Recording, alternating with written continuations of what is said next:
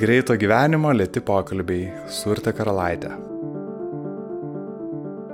Sveiki, aš esu Urte Karalaitė ir jūs klausote podcast'o Greito gyvenimo lėti pokalbiai, kuriame su įvairiais pašnekovais tyrinėjom vidinį žmogų. Šiandien tą vidinį žmogų, ar netgi jų daugiskaitą, tyrinėsim kartu su benekečiausiu Lietuvos psichoterapeutu Eugenijum Laurinaičiu. Šį svečią kviečiu ne tik dėl nebejotino jo žinių bagažo ar kompetencijos, bet ir dėl jo asmenybės. Eugenijus yra aštrus ir tiesus. Man tai yra didžiulės vertybės. Ir turbūt vienintelė grandis siejanti visus podcast'e kalbėjusius pašnekovus, nors jie visi tikrai labai skirtingi. Jei podcast'ą užklydote pirmą kartą, kviečiu paklausyti ir kitų nemažiau įdomių pokalbių Visus juos rasite Spotify, iTunes, kitose programėlėse bei karalaitė.com pasvirasis brūkšnys podcastas. Kad podcastas tęstųsi ir turėtų dar daugiau stiprių pašnekovų, kviečiu prisidėti prie podcasto gyvavimo, nes jis gyvas tik klausytojų dėka. Tai galite padaryti patreon.com pasvirasis brūkšnys lėti pokalbiai. Prisijungę prie podkasto rėmėjų, iškart atsidursite slaptoje Facebook'o grupėje, kur pratesiam čia pradėtus pokalbius bei dalinamės bonusais. Šį kartą už draugystę dėkoju Egliai Bagdzevičianiai, Lukui Vildžiūnai ir Simonai Komžai.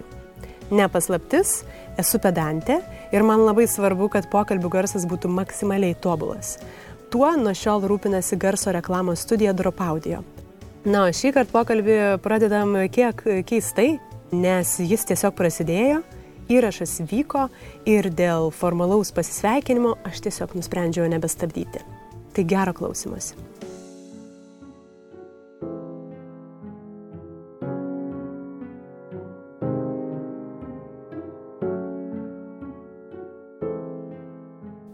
Oi, labai įvairia. Mėgstu muzikos klausytis ir daug jos klausaus. Tarp kitko, tai yra vienas iš profilaktikos nuo perdegimo būdų. Aš labai mėgstu džiazą, arčiau klasikinio negu labai modernaus. Ir Free, ir Dixieland, ir e, mėgstu atskirius instrumentus, pavyzdžiui, saksofoną arba fortepijoną klausyti ir, pavyzdžiui, tokio kaip Oskaras Petersonas, nu, tai man toks vat, pasiklausimas įtin malonus, o dabar važiavau į Varšuvą ir klausiausi į vieną pusę džiazo, e, bet į Varšuvą važiuodamas klausiausi Vojcecho Mlinarskio. Tai buvo toks dainininkas, kuris nuo 68 metų pradėjo savo karjerą ir jis iš tikrųjų buvo iš pradžių tekstų rašytojas, o paskui pradėjo ir pagal tuos tekstus dainuoti. Jam kurdavo geri kompozitoriai tokie estradiniai. Nu ir ten tekstai yra fantastiški. O ką muzika duoda tuomet e, konkrečiai šiuo Pirmiausia, atveju? muzika atitraukia nuo įvairiausių kasdieninių minčių.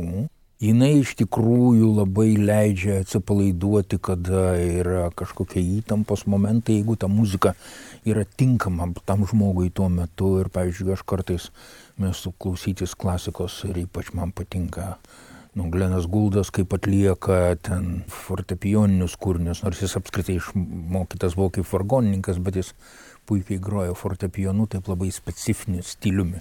Arba Sviatoslavo Richterį klausytis irgi atliekant, kad ir tos pačius kūrinius. Na ir iš tikrųjų labai daug yra dalykų, kurie tiesiog iš mano jaunystės atėję kaip prisiminimai. Pavyzdžiui, Jesus Christ Superstar visą operą pasiklausyti, na tai irgi yra malonumas. Tai jūs čia ir minit kaip pavyzdžius to perdėgymo. Profilaktikos. Profilaktika, nenorėjau jo. sakyti receptai, nes e, ne. nėra tai turbūt receptai. Ne, tai ne receptai, nes negalima kiekvienam žmogui tos pačios muzikos siūlyti. Iš tiesų, kiekvienas turi susirasti savo. Nes muzika yra nepaprastai didžiulis vandenynas, kuriame yra labai daug įvairių srovių, stilių. Tai labai individualu. Mes jau prieš tai būtent apie šitą ir pradėjome kalbėti, kad, na, jūs tikrai žongliruojat daug veiklų ir turbūt didžiąją gyvenimo dalį jomis žongliravo tarp dėstymo, konsultavimo, dar ir vat, pokalbėm tokiem randat ir žurnalistam į klausimus atsakyti. Jūs daug kalbate apie tą perdėgymą. Tikrai. Ir šiandien tas aktualu yra. Ne tik šiandien, buvo aktualu ir gerokai anksčiau. Ir kai aš prisimenu savo perdėgymo momentus, Tai jie buvo mano pačioj darbo karjeros pradžioj, kai aš pradėjau dirbti psichoterapeutu iš tikrųjų prastai paruoštas, nes Sovietų sąjungoje nebuvo normalios psichoterapijos mokymo sistemos.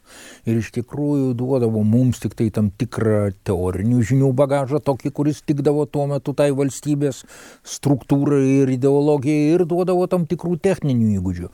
O pagrindinių dalykų, kuriuos turi duoti psichoterapinis mokymas, tai yra visų pirma darbo su pacientais, pastovų nagrinėjimą su dėstytoju, su mokytoju, kuris nagrinėja, kas ten vyksta ir ką tu kaip besimokantis tenais darai. Ne tiek pacientas, su kuriuo dirbi, kiek tave pati kuris mokosi dirbti. Ir dar vienas būtinas bet kurios psichoterapinio mokymo sistemos komponentas yra asmeninė psichoterapija tų kandidatų, kurie nori tapti psichoterapeutais. Ir labai dažnai klausima, tai ką ten, jie visi ligoniai? Jokių būdų kalba eina apie kitką, apie tai, kad mes turime daugybę savo išgyvenimų, savo patirčių, kurių visiškai neprisiminam, jos yra nesąmoningos bet nuo to jos nenustoja egzistavusios mano psichikoje ir kada aš patenku į kažkokią situaciją su pacientu, kuri kažką primena, net nesąmoningai, o gal kaip tik visų pirma nesąmoningai, išlenda kažkokie mano reagavimo stereotipai, būdai, kuriuos aš naudojau kažkada labai seniai. Bet tai buvo kitas laikas, kiti žmonės, kita situacija ir aš pradedu neadekvačiai veikti šitam darbui, kurį darau dabar. Ir todėl va šitas paruošimo komponentas kaip asmeninė terapija duoda gilesnę įžvalgą į patį save ir susivokimą, kada aš jau pradedu daryti kažką ne tą, ko reikia šitam darbui, o daugiau tą, ko reikia man pačiam. Ir tikriausiai supratę geriau save, mes tada, na, jūsų atveju, jūsų profesijai, tada galima ir geriau ir kitą. Visų pirma, tai iš tikrųjų yra kelias į kito supratimą, todėl kad kai, kada mes suvokiam, kad tikrai esam iš tokio paties molio ir esam su tokia pačia savo istorija, kurį kiekviename iš mūsų sėdi, mes visi esam savo istorijos rezultatas. Tai neišvengiamai tada ir paciento supratimas, kodėl jis šiandien yra toks, koks yra yra žymiai adekvatesnis, tai nėra vertinimai gera, bloga, teisinga, neteisinga. Tai yra supratimas, kad žmogus kažkada taip darė ir jam tai padėjo kažkokioj situacijoj. Ir dabar jis kartoja, tai mes darom visi, mes linkę esam kartoti kažkokius dalykus, kurie kažkur kažkada buvo sėkmingi. Bet dabar situacija gali būti visiškai kitokia, jin tik atrodo panaši. Ir todėl tai, ką mes padarom, gali būti visiškai netinkama šiandieniniai situacijai. Žmonės ateina skūsdamėsi, kad nebeišeina, nebemoku gyventi. Užmiršta, kad gyvenimą reikia kurti, nekartoti, netiražuoti, o kurti iš naujo kiekvieną kartą.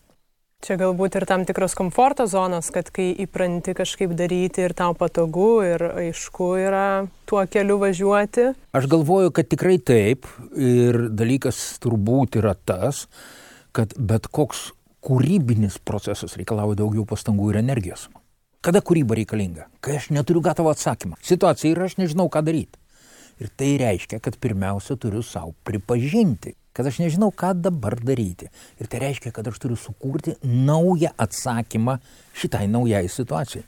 Pastangų reikia, tai atima ir energijos, ir laiko, bet tai be jokios abejonės bus žymiai adekvačiau negu kartoti senus stereotipiškus elgesio būdus. Jūs paminėjote perdėgymą. Ankstyvajam laikotarpiu, kas būtent ten atvedė jūs? Na, pirmiausia, tai, kad aš tikrai nuėjau į darbą, kuris man labai magėjo, aš labai norėjau ir aš esu nepaprastai dėkingas profesoriui amžinatilsį Valgimantui Marcinkievičiui, širdies chirurgijos lyderiui Lietuvoje daug dešimtmečių, kuris pats užsinorėjo turėti psichoterapeutą savo pacientams, paruošti jos operacijai ir paskui užsiimti jų psichologinę reabilitaciją po. Ir man pasisekė, kad jam pasirodė, kad aš esu tinkamas šitam darbui. Ir jis mane priėmė ir aš ten dirbau 12 metų, bet bėda be abejo buvo ta, kad aš dirbau paruoštas prastokai tik su entuzijazmu tikrai ten nenuveiksi daug dalykų, nes psichoterapija nėra gero žmogaus buvimas šalia. Geras žmogus ne profesija. Geras žmogus gali būti labai svarbus man kažkaip tai su savimi, e, surandant kažkokią tai galbūt taiką išgyvenimo būdą, bet tai nėra psichoterapija. Ir todėl dirbdamas nepakankamai paruoštas, aš dirbau ne tuo, kas sudaro profesiją, o profesiją sudaro žinios ir įgūdžiai Jie įgyjami skirtingai, žinių galima prisiskaityti, prisižiūrėti mokinių, mokomųjų filmukų ir taip toliau. E, įgūdžiai yra įgyjami tik tai veikiant ir treniruojantis veikti vis geriau ir geriau. Tai yra ta mokymosi su priežiūra proceso dalis, apie kurią užsiminė. Ir kada mes kalbam apie šitą darbą, kurį nori daryti gerai, kur nori tikrai kažką tai pasiekti ir nemoki dirbti savo žiniom ir įgūdžiais, pradedam dirbti savimi.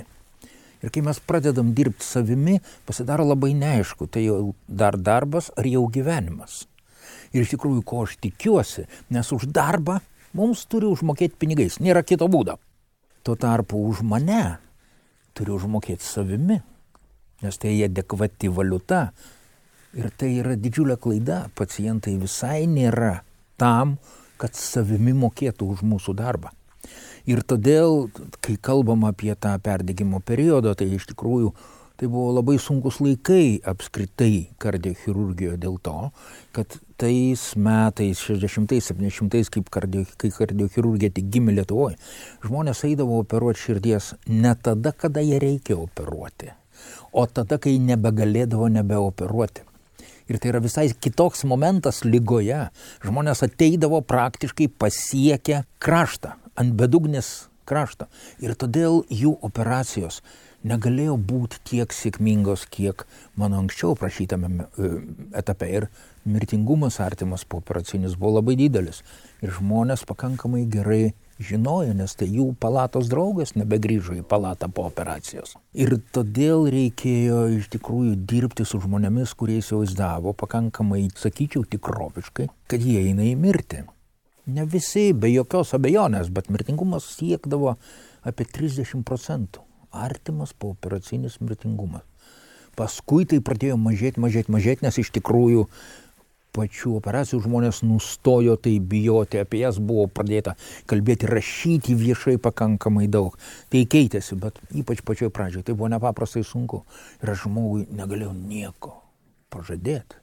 Iš tikrųjų aš negalėjau meluoti reikėjo kalbėti tiesą, psichoterapija remiasi tuo, kad mes neglostom žmogaus, reiškia, per galvelę, mes kalbamės apie realybę, kurią reikia priimti ir kurią reikia vaikščioti savomis kojomis. Ir todėl tai buvo tikrai sunku ir aš jaučiau, kad aš nebegaliu grįžti namo su tokiu krūviu, su tokia įtampa ir su tokiu negalėjimu nieko priimti ir išgirsti. Aš pajutau, kad aš su savo žmona ir vaikais nebegaliu normaliai šnekėtis. Ir aš ieškojau išeičių ir mano išeitis buvo Vilnius. Aš prieš eidamas namo, po darbo, eidavau į senamestį. Ir aš pasivaikščiodavau pusvalandį, valandą ir tada pajusdavau, kad ta įtampa jau slūksta ir jau galiu grįžti namo. Tai va tai buvo turbūt pirmoji ta perdėgymo situacija ir kažkoks tai bandymas surasti pagalbą savo pačiam. Dažnai, ypač galbūt ir jaunam žmogui, mūsų kultūra skatinanti mus kuo geriau viską padaryti ir konkurencingumas kartais nuveda iki perfekcionizmo. Iš ko tas kyla? Perfekcionizmas ne iš tiesiogiai mūsų kultūros kyla. Perfekcionizmas yra atsinešamas iš vaikystės.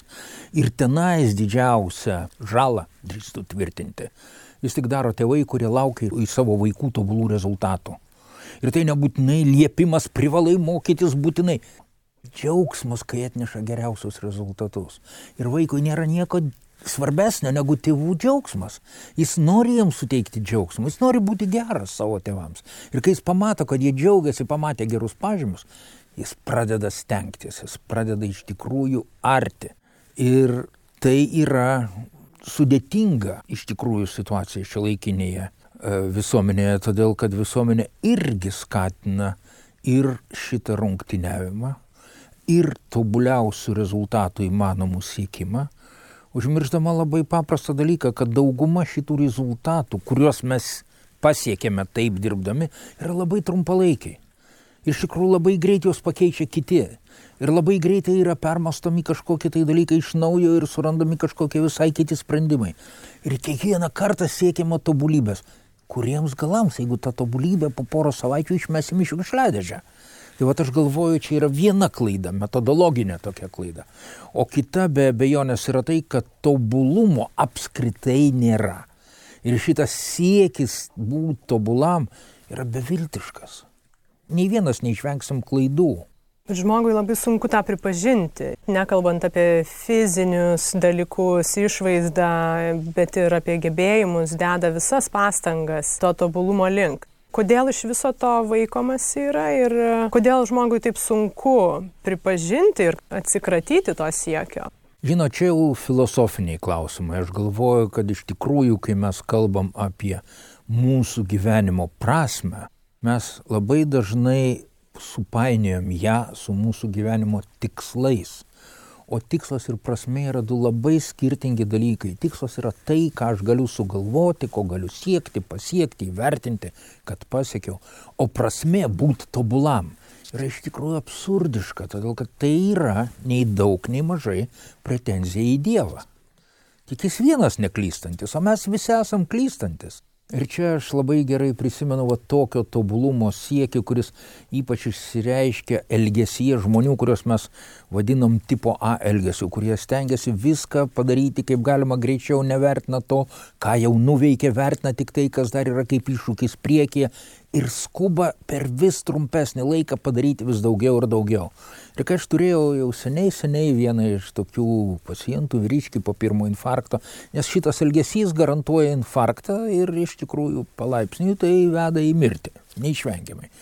Tai aš su tuo žmogum šnekėjau ir tikrai buvo absoliučiai tipiškas tipo A elgesio atstovas ir sakau, na jūs žinot, kiek greit jūs bebėgtumėt, jūs savo šešėlio neplenksite.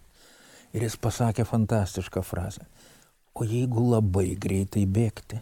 Suprantat, jam atrodo, kad vis dėlto šitą pasakišką tikslą galima pasiekti. Ir aš galvoju, tai yra mūsų visuomenės rezultatas. Kodėl vis tik grįžtų prie visuomenės, nors sakiau, kad tai iš labai anksti, ogi todėl, kad šeima tai, kur mes augame. Gali būti suprasta kaip piltuvėlis, kuris iš visuomenės normų, kurios tarsi lyja iš viršaus, stengiasi į savo vaiką supilti tai, kas jų nuomonė bus jam paskui naudingiausia. Jie įruošia gyvenimui, remdamėsi tą visuomenės vertybių sistemą, kurią jie mato, kurią jie pripažįsta, kurią vertina ir nori tai sudėti savo vaiką kad perfekcionizmas veda prie perdegimo, tai čia yra tiesiog du kartu, čia labai daug ir aiškinti nereikia. Bet įdomu dar tai, kad e, žmogus, ką jūs ir paminėjote tą pavyzdį, kad žmogus net ne, ne tai, kad tiki tuo, kad jis pasieks ir aplenks tą šešėlį, bet jis praktiškai žino. Va čia yra bėda, jisai iš tikrųjų negali šito žinoti kaip žinojimo mūsų suvokime. Todėl, kad jis neturi tokios patirties. Aplenkti savo šešėlio tikrai nepavyksta bet jis žino kitką, kad to reikia siekti, kad visuomenė už tai girs. Taip, ir tikslas vis tiek to gero jo. rezultato, gero pažymio. Geriausio, geriausio. Ne gero, o geriausio. Ir jūs e, minėjot tėvų įtaką. Augam mokydamėsi iš tėvų tiesioginių pavyzdžių, ar tai santykių formavimą įvairiausių ar ne, ir e, suaugę atkartojam elgesio modelius, e, ką mes matėme. Ir labai dažnai nesąmoningai, todėl kad mes net negalvojam, kodėl darom taip, kaip darom. Tiesiog mes galvojam, kad taip turi būti. Tai vad kaip iš šitų ratų nesamoningų, nes tai nėra, kad aš pasirinkau vat, elgtis kaip e, mano tėvas ar motina kažkokias klaidas. Mes dažnai galvojam, kad pasirinkau. Ypač po paauglystės, po šito maišto periodo mes galvojam, kad jau dabar mes sukūrėm savo visiškai kitokią asmenybę. Bet jeigu paimtumėm ir tiesiog paskaičiuotumėm, kiek elgesio stereotipų yra panašus arba visiškai atitinkantys mūsų tėvų stereotipus, Nu, skaičiai turbūt daugelį nustebintų. Kaip iš to išsisukti? Ar tai reiškia, kad e, vaikas užaugęs kažkokioje sudėtingoje aplinkoje ir su sudėtingom patirtim šiuo atveju iš tėvų perimtom, jisai kartos tas klaidas suaugęs? Yra įrodyta, kad žmonės, kurie yra agresyvūs, patys patyrė agresiją savo vaikystėje iš savo artimiausios aplinkos. Tai yra žmonės net kentėję dėl to elgesio, kurį turėjo aplinkoje, patys jį kartojo, užmirždami, kaip jie kentėjo. Tai aš galvoju, kad tai yra dar vienas toks įrodymas, jog tuos elgesio stereotipus mes kartojam nesąmoningai, net neprisimindami savo pačių sumokėtos kainos už šitokį savo tėvų elgesį. Ir kitas dalykas, kuris yra svarbus, aš manau, kad labai retas susimasto, kai jam kažkas nepavyksta. Jis galvoja, kad čia reikia greitai surasti kažkokį būdą, kad visiems padarytumėm tą patį. Ir čia, nu, mane stebina, bet ir iš tikrųjų padaryta labai nemažai tyrimų. Pavyzdžiui, buvo tirta, ką nori padaryti įvairių sudėtingų įrenginių operatoriai, jeigu pradeda šviesti pavojaus signalas arba staukti sirena. Pirmas jų instinktyvus noras išjungti. Ne išspręsti problemą, apie kurią signalizuoja pavojaus signalas, o išjungti pavojaus signalą. Tarp kitko dėl to įvyko Černobylio katastrofa. Bet jeigu mes žiūrim toliau, tai lygiai taip pat daugelis žmonių stengiasi rasti sprendimus naujoms situacijoms, naudodamėsi senai įgytais savo elgesio stereotipais. Ir, ir tai jau buvo šiek tiek pakalbėta ir aš manau, kad tai yra didžiausia klaida, kad mes nesustojam. Nepažiūrim iš šono ir nepabandom suvokti, ką čia aš dabar darau ne taip kodėl man nepavyksta. Tai ne kiti blogi aplinkui, kad mane įstūmė į tokią situaciją. Tiesiog aš čia esu ir turiu kažką išspręsti. Ir dabar klausimas, ar aš sprendžiu adekvačiais būdais. Ar jie tinkami šitam laikui, šitai situacijai, šitiem žmonėm, su kuriais aš tai darau. Tai yra klausimai savo pačiam. Tik tada, kai aš atsigrėžiu į save ir pabandau suvokti, ką aš darau ne taip, kaip reikia, aš galėsiu sustabdyti šitų nesąmoningų stereotipinių sprendimų vartojimą. Galėtų būti ar ne tas sprendimas e, išeities iš to rato užsisukusio, tėvai perdoda vaikams, vaikai taip, savo vaikams ir taip, taip toliau. Bet gerai, žmogus e, sugeba reflektuoti, jis atsitraukia, jis mato savo, nežinau, kad ir agresyvų elgesį ir e, iš kur jis ateina, tas elgesys supranta. Kaip tą vat, imti ir įveiksminti, ir, nes tai nu, yra... Čia yra labai paprasta taisyklė. Viskas egzistuoja tik tai įvykdytame pavydale. Tai, ko mes norim, svajojam, planuojam, žadam, tai neegzistuoja tai yra tik tai debesėliai mūsų galvoje. Ir viskas egzistuoja tik veiksmo lygyje. Ir tik už veiksmą galima vertinti žmogų. Jis padarė taip, kad jam pasisekė arba nepasisekė kažko pasiekti. Ir todėl savo pačiam kiekvienas irgi turim pasakyti. Aš galiu norėti pačių geriausių dalykų, bet jeigu aš nepadarysiu pirmo žingsnio siekdamas šitų dalykų, nieko nebus niekas nepasikeis. Čia kaip tom senam anegdote, visi mes viduj balti, apvalus ir pokoti. Tik tai iš išorės kažkodėl labai daug visokiausių kampų, kuriuos kiti apsibrozdina. Dar grįžtant prie santykio su tėvais, vienam pranešime jūs kalbėjote būtent apie pirmus vaiko formavimosi metus ir kad ten labai svarbus yra motinos vaidmuo saugumui ir vertėjai formuoti. Tikrai tai yra įrodyta, kad pirmieji gyvenimo metai iš viso formuoja mūsų bazinį ryšio supratimą. Kas tai yra ryšys su kitu žmogumi, ar jis yra saugus ar nesaugus. Ir tai nulėmė, įrodyta jau, visą likusį gyvenimą, jeigu to paskui žmogus nepradeda sąmoningai keisti kažkaip tai ir dažniausiai jis to padaryti pats vienas negali, tam reikalingas kitas. Čia aš kalbu apie psichoterapiją. Bet kai mes kalbam apie tų pirmųjų metų reikšmę, tai labai daug tyrimų parodė, kad pirmiausia tai yra mūsų emocinio ryšio išmokimas kaip yra reaguojama, kas yra svarbiausia santykė su tuo artimiausiu žmogum, kuris man taip svarbus. Bet yra labai svarbu dar ir tai, kad tie pirmieji metai sukuria ne tik bazinį saugumo, nesaugumo pojūtį apie santyki, jie duoda lygiai taip pat mums tokį jausmą ir apie pasaulį apskritai, ar aš atėjau į saugų ar nesaugų pasaulį. Ir jeigu mes apsidarytumėm aplinkui, mes tikrai pamatytumėm daug žmonių, kurie jaučiasi šitam pasaulyje nesaugus. Jie stengiasi kaip galima mažiau kažkur įsikišti, kažkur sudalyvauti, kažkokią atsakomybę prisijimti. Jie geriau linkia kažkur kampe pastovėti arba už kažkokio tai žmogaus nugaros pasislėpti, tegul čia jie daro, aš nieko negaliu. Ir tai yra ne todėl, kad jie negali, bet todėl, kad jie gavo iš ankstyviausios vaikystės įspausdintą jausmą, kad šitas pasaulis visų pirma yra pavojingas. Ir tai yra dalykas, kuriuo labai labai sudėtinga yra dirbti, jeigu jau kalbam apie psichoterapiją. Ir jūs taip pat minit, kad ir savivertė būtent tuo metu to vaiko, to kūdikio formuojasi ir, ir tam likusiam gyvenimui ta vertė. Tikrai kažkokia. taip, bet čia su savivertė yra dar vienas dalykas, kad mūsų santykis su mūsų vaikais turi būti suvoktas kaip adekvatus to vaiko raidos etapui. Ir todėl psichologai tyrinėjantis vaikystę ir santykius su saugusiais yra nustatę, kad vaikus iki maždaug 7-8 metų amžiaus reikia girti ne už rezultatą, o už pastangas, už jų norą kažką padaryti.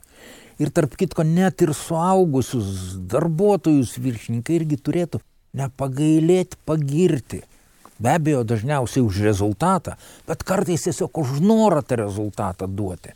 Ir tai yra labai labai svarbu mūsų savivertiai ir tai vis tik eina per visą gyvenimą. Vaikystė labai svarbi, bet toliau mes savo savivertę formuojam iš kitokių komponentų. Jeigu kažkur vaikystėje, kiek aš buvau svarbus ir mylimas apskritai, Tai suaugus mums žymiai svarbesnė pasidaro mūsų profesinė savivertė, kažkokie tai konkretūs įgūdžių vertinimai iš kitų žmonių pusės. Taip kad tai veikia visą gyvenimą. Tas įvertinimas iš šalies, žinoma, silpnesniam žmogui ar kažkokios savivertės bazės nesusiformavus vaikystėje yra dar svarbesnis, bet kaip jūs žiūrite priklausomybę nuo šalies vertinimo, kad aš negaliu savęs pati įvertinti, jeigu vat, visi žmonės nepatvirtina aplink, kad aš esu vertinga. Žinot, aš e, neretai naudojuosi švento rašto citatomis. Ir šitai vietoje aš iš karto prisimenu Senojo testamento pasaulio kūrimo aprašymą. Ir ką Dievas darė septintąją dieną po to, kai sukūrė pasaulį. Nu, pirmas atsakymas dažniausiai žmonės sako, jis ilsėjosi. Taip, bet maža to, jis žiūrėjo tą pasaulį ir pasakė savo, kad tai, ką aš padariau, yra gerai. Tai yra gražu. Ir mokėjimas perimti šitą pavyzdį. Pačiam išmokti pažiūrėti savo darbo rezultatus. Ir pačiam išmokti save pagirti už tai, ką aš padariau gerai. Čia nėra joks pagirūniškumas, čia nėra joks išlepimas, čia nėra jokių būdų to labiau ir kažkoks, reiškia, nusimetimas kažkokiu atsakomybių. Jokių būdų. Tai yra iš tikrųjų mokėjimas nelaukti kitų žmonių vertinimo. Nes jeigu aš laukiu iš kitų žmonių visų pirma vertinimo, tai reiškia, kad aš gyvenu neautentišką gyvenimą, ne savo. Aš gyvenu pagal jų scenarius, ko jie nori ir laukia iš manęs. Ir labai įdomus dalykas, kad mirštančių žmonių vienas iš pagrindinių apgailestavimo šaltinių, ko jie nepadarė gyvenime, tai, kad jie per mažai savo leido gyventi autentišką gyvenimą ir per daug darė tai, ko kiti iš jų norėjo. Čia galima turbūt vėl grįžti į vaikystę prie tėvų Čia man įdomu būtų pažiūrėti į toksišką santyki ir ne tik su tėvais, galbūt ir su vadovais, autoritetingai žmonėmis ir, ir poroje. Kalbu apie norą kontroliuoti, manipulaciją. Iš kur kyla toks noras ir kodėl žmogus linkęs? Na, pradėkime nuo to, kad čia yra dvi pusės visada. Santykis visada yra mažų mažiausiai du žmonės. Yra žinoma santykis su savimi, bet čia mes kalbame apie savirefleksiją. Bet kai kalbame apie toksišką santykį, tai kažkas tai nori kontroliuoti, o kažkas sutinka būti kontroliuojamas. Daugiau ar mažiau kentėdamas, bet vis dėlto sutinka. Ir todėl kalbam apie tų abiejų žmonių psichologinę struktūrą. Tai vad tas, kuris nori kontroliuoti, visų pirma jaučiasi, kad jis gyvena tame nesaugiame pasaulyje ir jeigu jis jo nekontroliuos, jam iškils pavojus, jis nebegalės visko numatyti, jam bus sudėtinga priimti sprendimus reikalingus jam, todėl jis turi visus kitus priversti elgtis taip, kad jam būtų patogu. Jis kūrė savo saugumą kitų žmonių sąskaitą. O dabar tie, kurie paklūsta šitokiems dalykams, dažniau turi truputį kitokią asmenybės struktūrą. Tai yra žmonės, kurie tikrai nepasitikė savimi, jie irgi yra nesaugus, tik tai jeigu pirmasis, kuris reikalauja paklusimo, to nesaugumo tvarkymą daro per agresyvumą, per kontrolę, tai tas antrasis to paties nesaugumo mažinimą daro per paklusimą ir atidavimą atsakomybės kitam. Per tai, kad iš tikrųjų jis tikriausiai geriau žino negu aš. Tai vat mes kalbam apie dvi tos pačios monetos pusės. Ir vienas ir kitas tam pasaulyje nesaugus, tik jie elgesi absoliučiai priešingai. Bet nieko keisto, kad jie kažkaip tai sutampa, jie vienas kitas supranta. Tai va čia tokia pikantiška situacija. Čia tos svarstyklės ar ne, vienas mhm. labai sveria į vieną pusę. Kalbėdamas apie santykius, sakot, kad e, šių dienų pasaulyje žmonės labai dažnai tikisi vien malonumo ir teigiamų potyrių, vengia sunkumų šeimoje, poroje, dėl to vis dažniau byra e, santykiai arba tiesiog žmonės pabėga, nes nebenori šito nemalonaus santykio kas iš dalies ir prieštarauja mūsų bendruomeniniai prigimčiai. Tikrai taip, tik tai reikalas tas, kad dabar labai daugelis santykių yra sudaiktinti. Jie yra vertinami pagal kažkokius pseudo objektyvius kriterijus. Tinka ar netinka man tas žmogus mano poreikiams patenkinti. Ir aš galvoju, kad mes net nesuvokiam, bet mes padarėme ratą prieš 2,5 tūkstančio metų lygiai taip pat buvo vertinami vergai. Tai buvo gyvas inventorius, jie buvo skirti tam tikrai funkcijai vykdyti. O visa kita jų žmogiškiai poreikiai vergvaldžio visiškai nedomina. Tai mes dabar tampam vergais savo pačių vertybių sistemos, kur tik nauda, kurią aš gaunu iš to kito žmogaus, yra jo vertės matas o ne tai, kas jis man yra. Ir čia yra vienas iš dalykų, kurį galėčiau pavadinti tokiu iškreiptų hedonizmu, nes hedonistai vėlgi iš antikinio pasaulio jie suvokė, kad savo malonumą jie turi susikurti, jie turi užsidirbti jį. O tuo tarpu dabartiniai hedonistai įsitikinę, kad jiems jį privalo duoti. Jie nusipelnė to malonumo vien tuo, kad gimė. Ir nuo to momento visi turi jam duoti tą malonumą, kad jis gyventų gerai nekreipdėmėsio į realybę, kurią sukuria ir kurioje gyvena kiti, yra iš tikrųjų aklygatvis. Aš manau, kad tikrai taip išgyventi viso gyvenimo nepavyks. Bet vad žiūrint į šitą tašką, kur jau dabar esame, šitoj visuomeniai ir vad šitoj padėtį, kai, mhm. ką apkalbėjome, kad kardinaliai imtų viskas ir pasikeistų, turbūt būtų truputį naivu galvoti kur gali tai vystytis tuomet? Tai ar mes ir bėgsim visi vieni nuo kitų kuo toliau? Žinot, aš galvoju, kad kuo toliau mes bėgsim, tuo daugiau mes suvoksim, kad tai yra tikrai liepto galas. Toliau kelio nėra. Ir jeigu mes kalbam apie šio laikinį būtent momentą mūsų žmonijos istorijoje, Tai tai yra pirmas momentas iš tikrųjų mūsų žmonijos istorijoje, kai mes galim sunaikinti visą gyvąją gamtą šitame pasaulyje. Žemė ne, nežus, Žemė dar gyvens milijardus metų. Kokiam pavydalė, kaip jin atrodys, yra atskiras klausimas. Bet mes turim tokią galę. Jeigu anksčiau visa šitai priklausė nuo gamtos proceso, dabar šitai priklauso nuo mūsų. Ir jeigu mes nesuprasim, kad mes galim išsigelbėti tik susijungę ir suderinę mūsų visų norus su gamtos galimybėmis.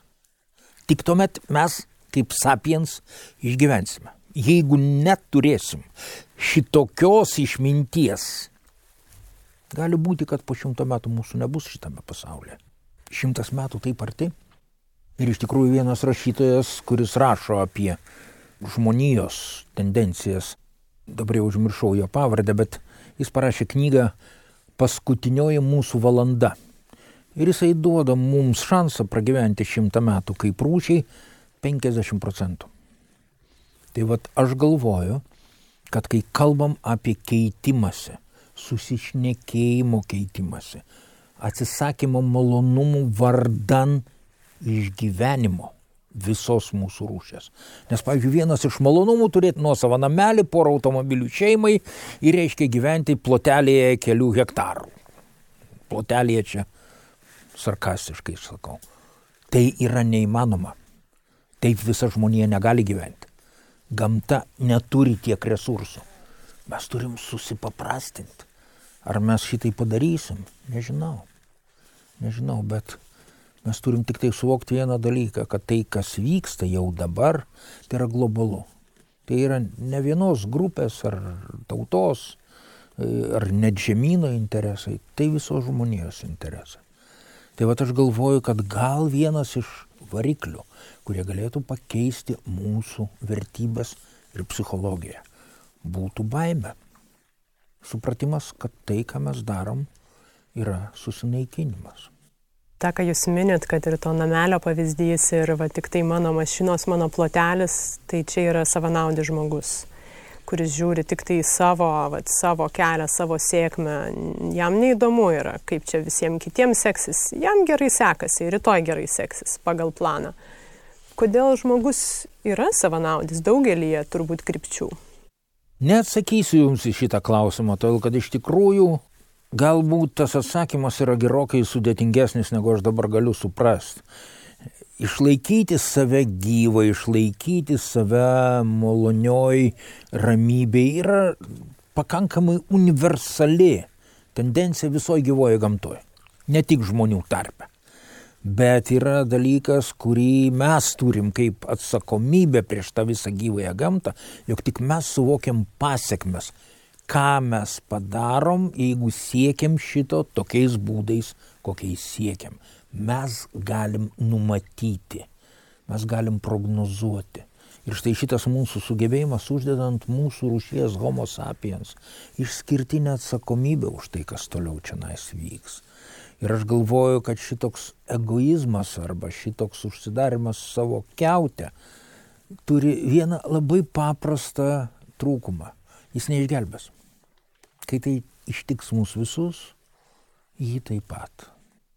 Yra ir kitas kraštutinumas, kaip e, kalbėjom, kad e, žmonės tarsi tolsta ir, ir bėga nuo tų santykių, atsakomybių, prisirišimų. Galima pastebėti ir e, didelę baimę, nerimą būti vienumoj ir prisirišimą prie žmogaus, kas po to, jeigu išyra tie santykiai, gali turėti labai skaudžias pasiekmes. Kaip jūs žiūrite tą, va, į suaugusio žmogaus tokį kabinimąsi saugumo? Matot, aš galvoju, kad yra tarsi vėl lasda su dviem galais.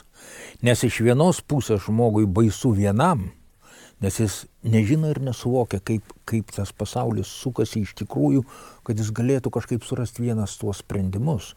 Bet iš kitos pusės jam taip pat labai baisu tapti priklausomam.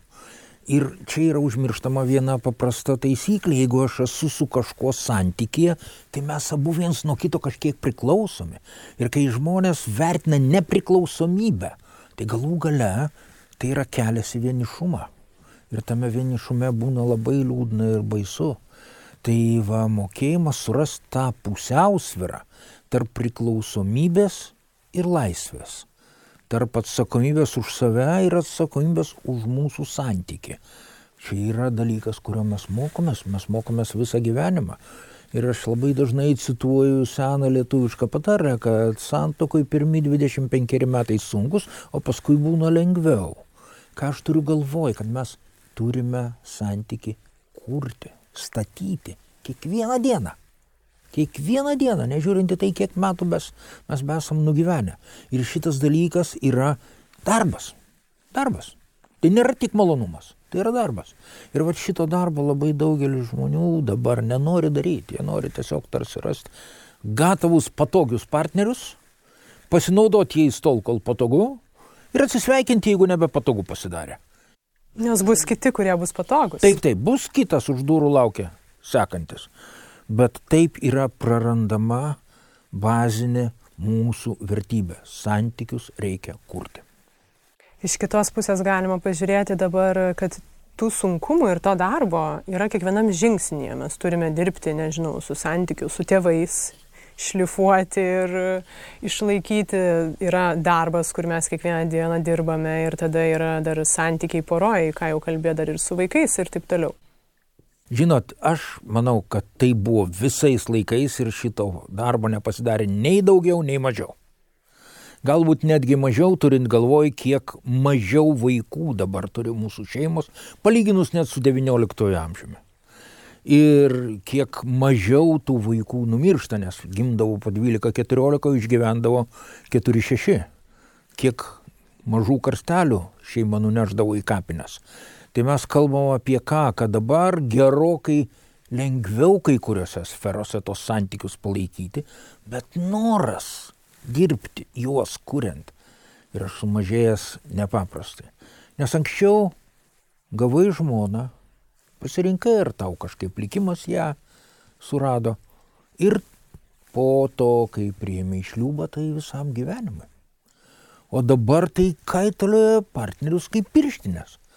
Tai kalba eina apie tai, kad to darbo nepasidarė daugiau, žymiai mažiau yra noro įdirbti. Bet jūs minite, na, anksčiau tokias vyravusias tas santokas, ko dabar vis mažiau, ar ne, kad visą gyvenimą kartu žmonės ar savo noro, ar ir ne visai nugyvena kartu nebūtinai ten visi žmonės buvo laimingi. Tai ar galima sakyti, kad kraštutinumai... Apie laimę tai čia atskira visai kalba, todėl kad aš galvoju, kad mūsų laikais tas sudėvinimas laimės kaip žodžio ir fenomeno yra iš tikrųjų metodologinė klaida, nes žmonės tapatina laimę su malonumu. O iš tikrųjų laimė yra visai kas kita. Laimė yra jaustis, kad esu reikalingas. Ir va šitas reikalingumas gali būti, kad sviruoja, kad kai, kai, kada tas žmogus, kuriam aš buvau reikalingas, pasidaro savarankiškesnis ir reikia paleisti, kaip vaikus, pavyzdžiui, kurie išauga ir jų mes vaikus turime auginti tam, kad jie gyventų laimingai, tai yra būtų reikalingi, su visai kitais nepažįstamais žmonėmis. Ne su manim. Aš juos auginu ne savo. Ir iš tikrųjų suvokimas, kad va tada aš paleidau tą, kuriam buvau reikalingas ir naudingas, kam aš galiu dabar būti reikalingas. Tai yra reikia vėlgi tą savo laimę kurti per ryšį. Ne per kažkokių malonumų ėmimą. Malonumai visada baigsis.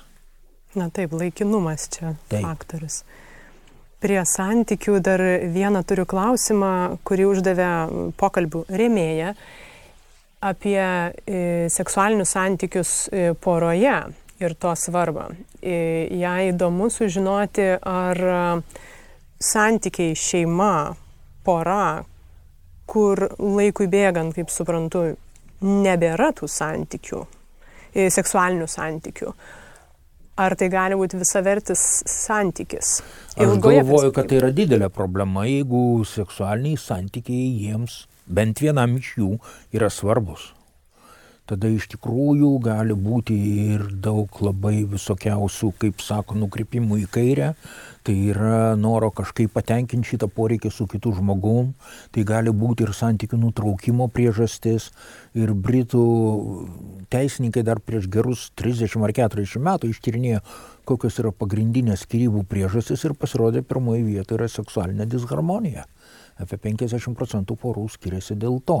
Taip kad aš galvoju, kad seksualiniai santykiai yra būtina tam turinčių poreikį ir norą poros dalyvių gyvenimo dalis, būtina dalis. Ir todėl, jeigu tie santykiai nebeegzistuoja, jeigu jie išnyko, tai reikia ieškoti išeičių, kad galbūt juos būtų įmanoma atstatyti. O jeigu nepavyksta, tai tada reikia tiesiog susitaikyti, kad tai turės pasiekmes ir kainą. Tai jūs manot, kad, na, pavyzdžiui, santykis, kuriame galbūt abi pusės to poreikio nebeišreiškia. Jeigu abi neįmanoma. pusės neišreiškia, tai čia kitas klausimas. Galbūt jiems abiems taip tinka. Ir aš irgi turiu savo praktikoje žmonių, kurie sako, mes esam labai geri draugai. Arba mes esam labai geri partneriai versle. Nors labai dažnai būna taip, kad jie atsigula į lovą su viltim, kad galbūt ten bus seksas, o iš tikrųjų būna kalba apie buhalterinės knygas. Kai mūsų lietuviškoje vat, verslininkystės praktikoje, mažųjų ypač įmonių e, struktūrai vyras yra direktorius, o žmona yra finansų vadovė. Vat jie ir šnekasi vakarais lovoje apie finansus. Jūs jau keletą kartų paminėjot, kad ryšys yra tas išsigelbėjimas. Taip, Taip labai apibendrinus. Ir suvokimas jo kaip vienintelio išsigelbėjimo yra būtinas. Ir čia galbūt galima ir, ir plačiau pažiūrėti ir į tarpusavio santykius su, su aplinka, su žmonėmis visais ir žinoma artimiausiais tai šeimoje. Kas galėtų būti stipraus santykio bazė? Oh, čia yra sudėtingas dalykas, todėl kad iš tikrųjų santykis turėtų būti keturiose lygiuose. Yra biologinis lygis, yra emocinis lygis, yra psichologinis lygis yra filosofinis lygis. Jeigu mes pradedam nuo biologinio lygio, mes net nepagalvojam kartais, bet iš tikrųjų yra daug biologinių charakteristikų, kurios turi kažkaip tikti.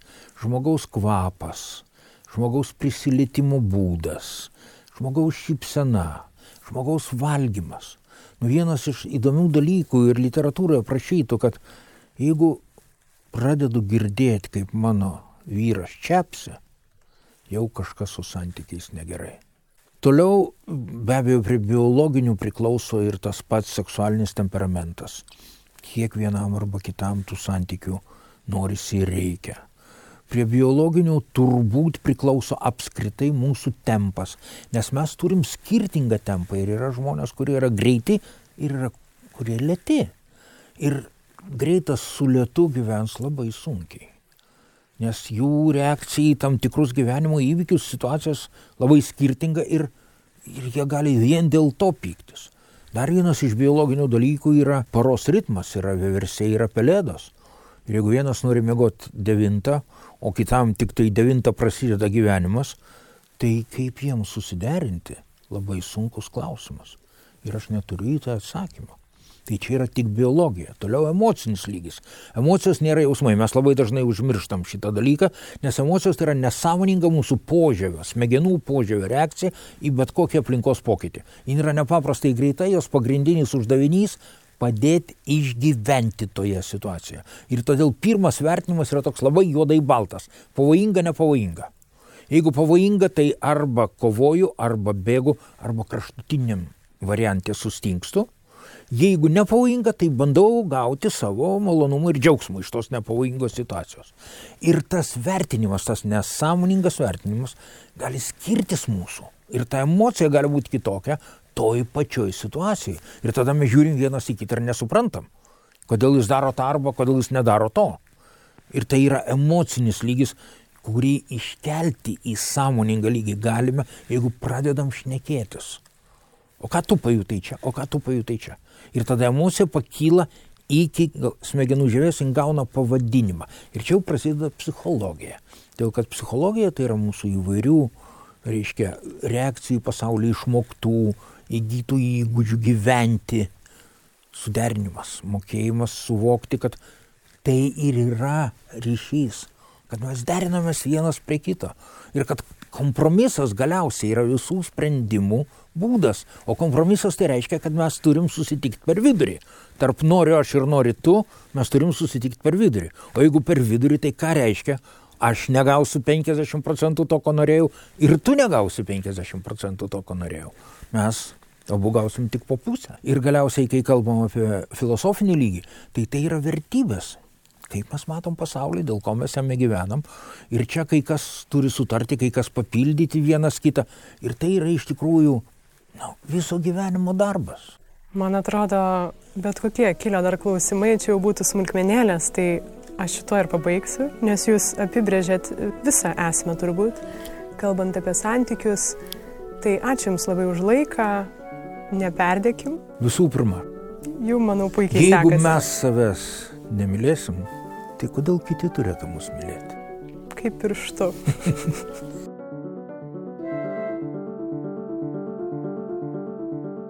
Ačiū, kad klausėtės.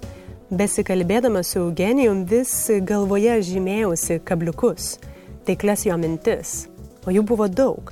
Jei ir jums kyla minčių, drąsiai rašykit man socialinėse medijose. Nepraleiskit naujų epizodų sekdami podcastą Instagram ir Facebook paskyrose arba prenumeruodami jį. Beje, jei jums patinka tai, ką girdite, parašykit atsiliepimą Facebook ar iTunes platformose. Priminsiu, kad prie podkasto gyvavimo galite prisidėti patreon.com pasvirasis brūkšnys lėti pokalbiai. Šio pokalbio pagrindinė žinutė, bent jau man, yra gana aiški - puoselėti ir stiprinti ryšius. Net jeigu ne viskas ten taip tobula ir malonu. Su jumis buvau aš, Urte Karalaitė. Iki kitų kartų.